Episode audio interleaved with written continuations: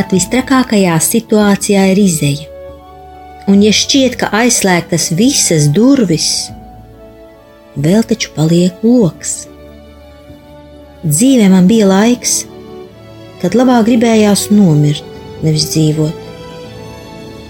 Par savām jaunības kļūdām ir jāmaksā, bet tās vēl nav beigas. Dievs man atvēra logu un dāvāja jaunus spārnus, lai mācos atkal lidot. Viss ir iespējams, tikai tici, ceri un mīli. Dievs ir ar tevi arī tad, kad tu to nejūti. Es to zinu droši. Laura. Šādi vārdi ir uz grāmatas pēdējā vāka.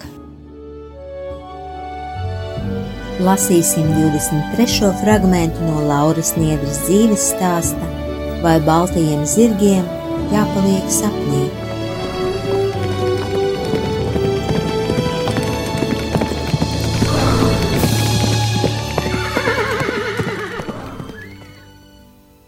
Vienu svētdienu meitene pēkšņi sajūt aicinājumu aizbraukt līdz Jēkaba katedrālei. Viņa nezina ne dievkalpojuma sākuma laikus, ne to, kas tur vispār šobrīd notiek, tikai ir ļoti spēcīga vēlme aizbraukt. Laura atstāja bērnus vecākiem un dodas ceļā. Palasīšu sludinājumus vai pajautāšu kādam, varbūt kāds kaut ko zinās par efatu, meitene prāto. Kad viņa nonāk līdz katedrālei, izrādās, ka tikko sākusies dienas galvenā svētā mise. Baznīca ir stāvgrūdām pilna. Laura nolēma nedaudz pastāvēt un paklausīties. Pēkšņi pārsteigums. Tieši tad, kad Laura jau taisās iet prom, baznīcā ienāk kāda pazīstama māmiņa ar savām divām meitām. Šīs meitenes šogad iet Lauras grupiņā. Viņas pamana audzinātāju un ir ļoti priecīgi pārsteigtas par šo satikšanos. Tāpat arī viņu māmiņa. Viņas priecīgi sasveicinās un nostājas Laurai blakus. Kā tagad aiziet? Kādu attieksmi pret baznīcu un dievu parādīt savām audzēknēm? Nē, Laura nespēja aiziet šo meiteņu dēļ. Audzinātāji taču ir bērnu priekšzīme un paraugs. Viņa pacietīsies līdz beigām, lai gan neko no misē notiekošā nesaprot. Pēc dievkalpojuma seko kopējs mājupceļš. Laura automātiski uzrunā māmiņu sēlgu uz tu, jo sajūt viņu kā savu māsu. Viņas satuvinās neticami ātri, bet varbūt tas ir Dievs, kas viņas satuvina. Laura taču nav bijusi katoļu baznīcā vismaz desmit gadus. Arī Selga parasti nenākot uz šo misi, tikai šodien tā sanācis. Cik dieva ceļi ir neizdibināmi un brīnišķīgi. Viņas kļūst par draudzenēm. Laurai pēc ilgiem laikiem atkal ir cilvēks, kam izkratīt sirdi, no kuras saņem draudzīgu apskāvienu un kristīgu padomu cik meitenei tas ir svarīgi, cik tas ir brīnišķīgi. Selga uzaicina Lauru aiziet uz Marijas Magdalēnas baznīcu, jo tur esot jauki jauniešu dievkalpojumi. Un tas izrādās tieši tas, pēc kā Lauras dvēsele ir ilgojusies. Katrs izdziedātais vārds viņu uzrunā līdz sirds dziļumiem. Tik spēcīgi, ka Laura raud kā mazs bērns, un ar katru asaru straumi meitenes sirds dziļi, jo dziļi attīrās no daudzajos gados sakrātā rūkuma un smaguma.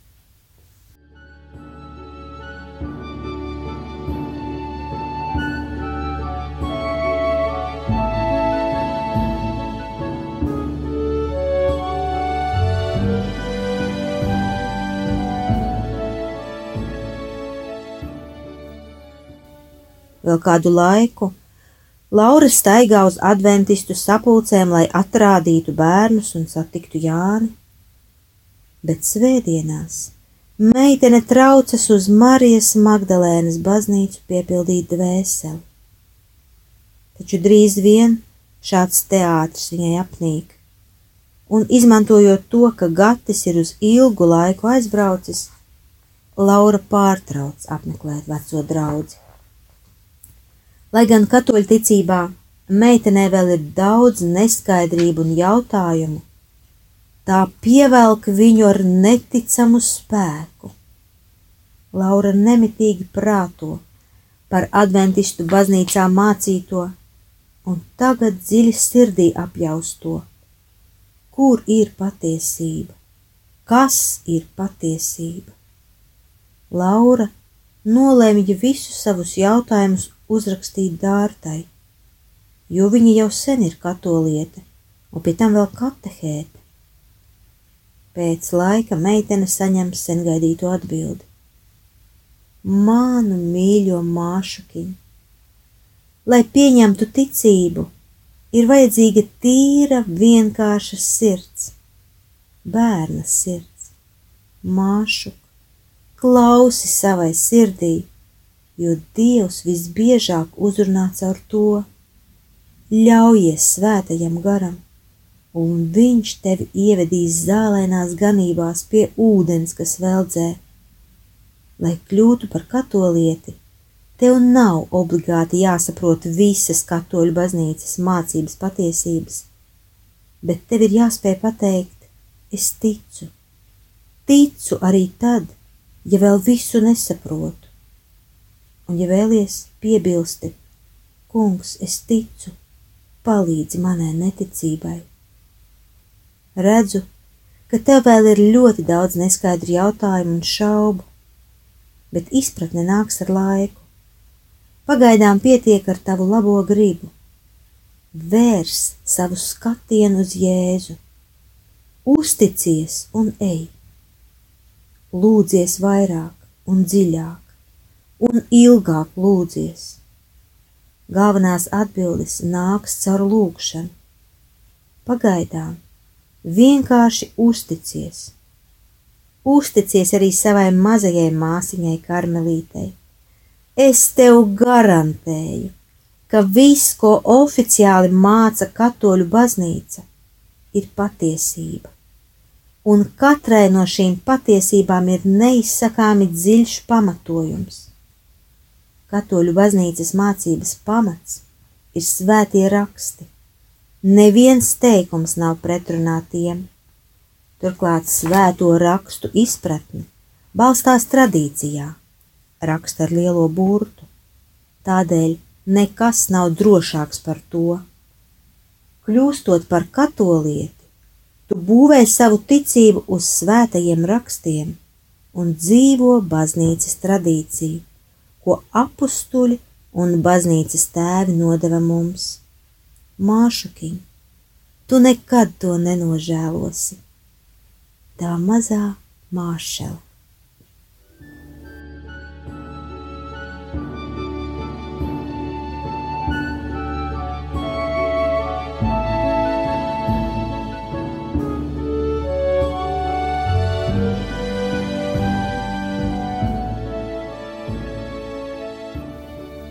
Kādu dienu, Laura piedzīvo negaidītu pārsteigumu. Jānis, izmantojams iespēju, kamēr tētis ir Anglijā, sadomājis atbraukt ciemos, tāpat vien. Laurai gan sirds dziļumos nedaudz bail, ka mazie izpļāpāsies tētim par šo apciemojumu.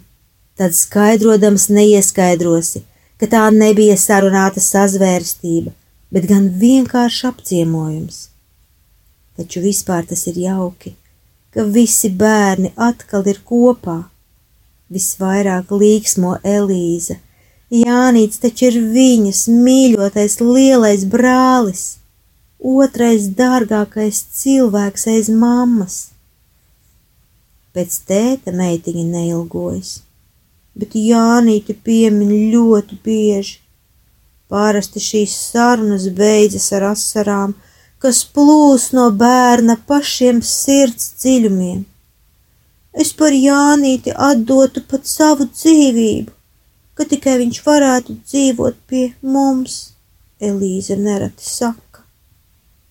Kad ir atbraucis Jānis, tad mazie bērni paliek gandrīz vai trakēs prieka. Šķiet, ka viņa lielo brāli sarauz gabalos. Arī Laura labprāt parunātos ar Jāni, bet mazajiem jādod priekšroka. Mīļais brālis taču, un galu galā priekšā vēl visa garā nakts. Kad mazie ir iztrakojušies un aizmiguši, var sākties nopietnas sarunas. Jančuks guļ uz grīdas blakus Lauras gultai, un tumsa atraisa viņa vēlmi pļāpāt par visu, kas uz sirds, par skolu, par draugiem, par grūtībām sadzīvot ar slimo omīti, par tēta represīvajām audzināšanas metodēm. Viņš stāsta un stāsta, bet Laura būžina puisēnam matiņus, tā kā viņam patika agrā bērnībā. Tad meitene paglāsta Jāņa muguriņu un taisās laisties miegā, bet puišelis iesmilkstas kā suņuks, kas lūdzas vēl pēc kāda glāsta. Un Laura atsāka masāžu, uzklausīdami Jāņa sāpes līdz pat vēlai naktī. Otrā dienā Jānim ir jāizbrauc. Laura saka, ka vienmēr viņš tiks gaidīts šajās mājās, lai kā viņam klātos. Kad atgriežas Gatis, Laura viņam aizsūta īziņu, kurā lūdz palīdzēt sekt bērniem pretērču vakcīnu izmaksas, jo vasaras viņi bieži pavada dabā un ērces ir ļoti aktivizējušās. Laurēnis kāpēc šķiet, ka tādai vajadzībai Gatis neatteiks, taču viņa saņem agresīvu atbildi. Pienāks laiks, kad Elīze dzīvos pie manis. Tev par potēm nebūs jāuztraucas. Ja kādreiz cilvēks savās acīs liekas gudrs, tas vēl nenozīmē, ka tas tiešām tā arī ir. Pēc mirkļa Laura saņem vēl vienu īziņu no vīra. Mana sirds jau ir aizņemta. Meitene nekā nespēja saprast, kā gata aizņemtās sirds saistās ar bērnu nepieciešamību potēties. Viņa saprot tikai vienu - no vīra joprojām palīdzību saņemt ir bezcerīgi. Un aizvien biežāk Laura sāk pārdomāt vajadzību oficiāli šķirties, lai būtu iespējams saņemt kaut kādus uzturlīdzekļus un aizsargāt bērnus nepieciešamības gadījumā. Laura to paziņo vīram, bet viņš saka: Es šķiršanos nepieprasīšu, jo tādu soli dieva priekšā es nevaru atļauties. Arī mana pirmā laulībā sieva bija tā, kas pieprasīja šķiršanos. Ja vēlies, tad rīkojies, es piekrītu. Mana sirds šā vai tā jau ir aizņemta.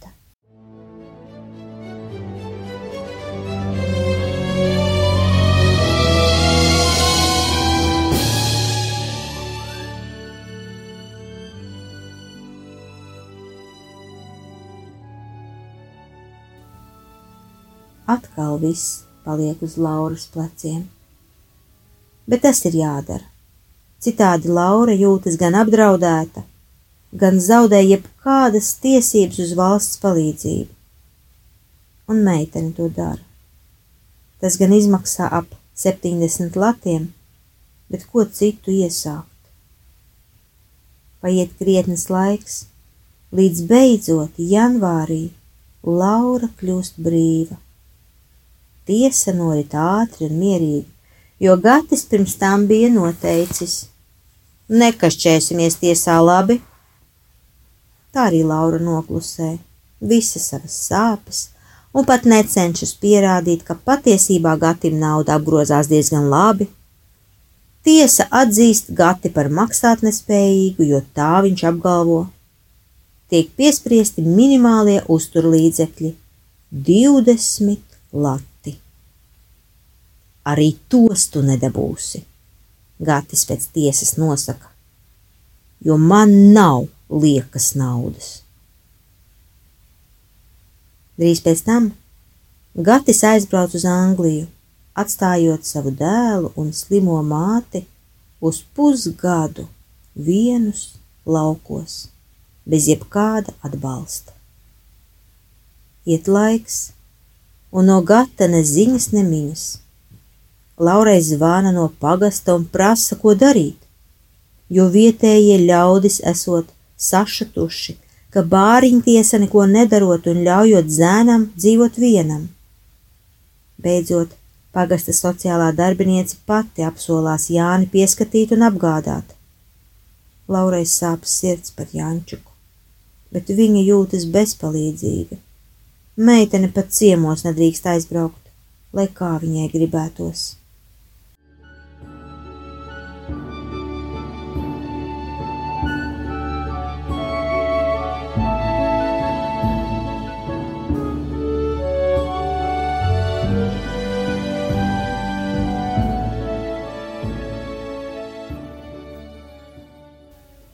Pienāk vasara, dažādu prieku un aktivitāšu laiks. Šo vasaru Laura ir saplānojusi gandrīz pa minūtei. Pietiek sēdēt mājās, ir jāiet cilvēkos. Vispirms ir plānots ar bērniem nedēļu pavadīt jauniešu dienās Zeguškalnā, tad Dagmāris nometnē, tad svētceļojumā uz Aglonu Vēl gribētos paspēt apciemot māsiņu dārtu Vācijā, bet tas diez vai izdosies, jo vasara būs par īsu. Augustā jau jāsāk strādāt. Laura savu māsiņu nav redzējusi jau vairāk kā gadu. Viņa, baltais eņģelītis, atdevusi sevi pilnībā dievam un piepildījusi savu daudzus gadus loloto sapni. Dārta ir kļuvusi par novici, Karmelā, Vācijā. Protams, Laurai tas ir lielākais zaudējums, bet varbūt arī ieguvums, jo par viņu nepārtraukti skan māsiņas šķīstās sirds pastāvīgās lūkšanas. Vienu dienu Laura sadomā dārtai vēstulē pajautāt kādu nopietnu smagu jautājumu. Paklau māsiņu, vai man tagad visu mūžu jādzīvo vienai, tikai tāpēc, ka jaunībā muļķības un neziņas dēļ kļūdījos, vai tāpēc maniem bērniem nekad nebūs tiesību uz normālu ģimeni? Māsas atbilde Lauru iepriecina un pārsteidz. Māšu, tu esi pilnīgi brīva no savām laulībām, jo tās nebija baznīcas laulības, sakraments kļūdama par katolieti, tev ir visas tiesības noslēgt īstu baznīcas laulību un dzīvot laimīgu ģimenes dzīvi, kā tavs sirds to tik ļoti augst. No šī brīža Laura sapņo par savu balto princi, par savu stipro balstu, par mīļu tēti saviem bērniņiem Tikai tagad Laura atļaujas pacelt acis un ieskatīties kāda sejā. Tikai tagad meitene atļaujas atkal sapņot. Tas bija 23. fragments no Lauras Niedras dzīves stāsta, vai baltajiem zirgiem jāpaliek sapnī.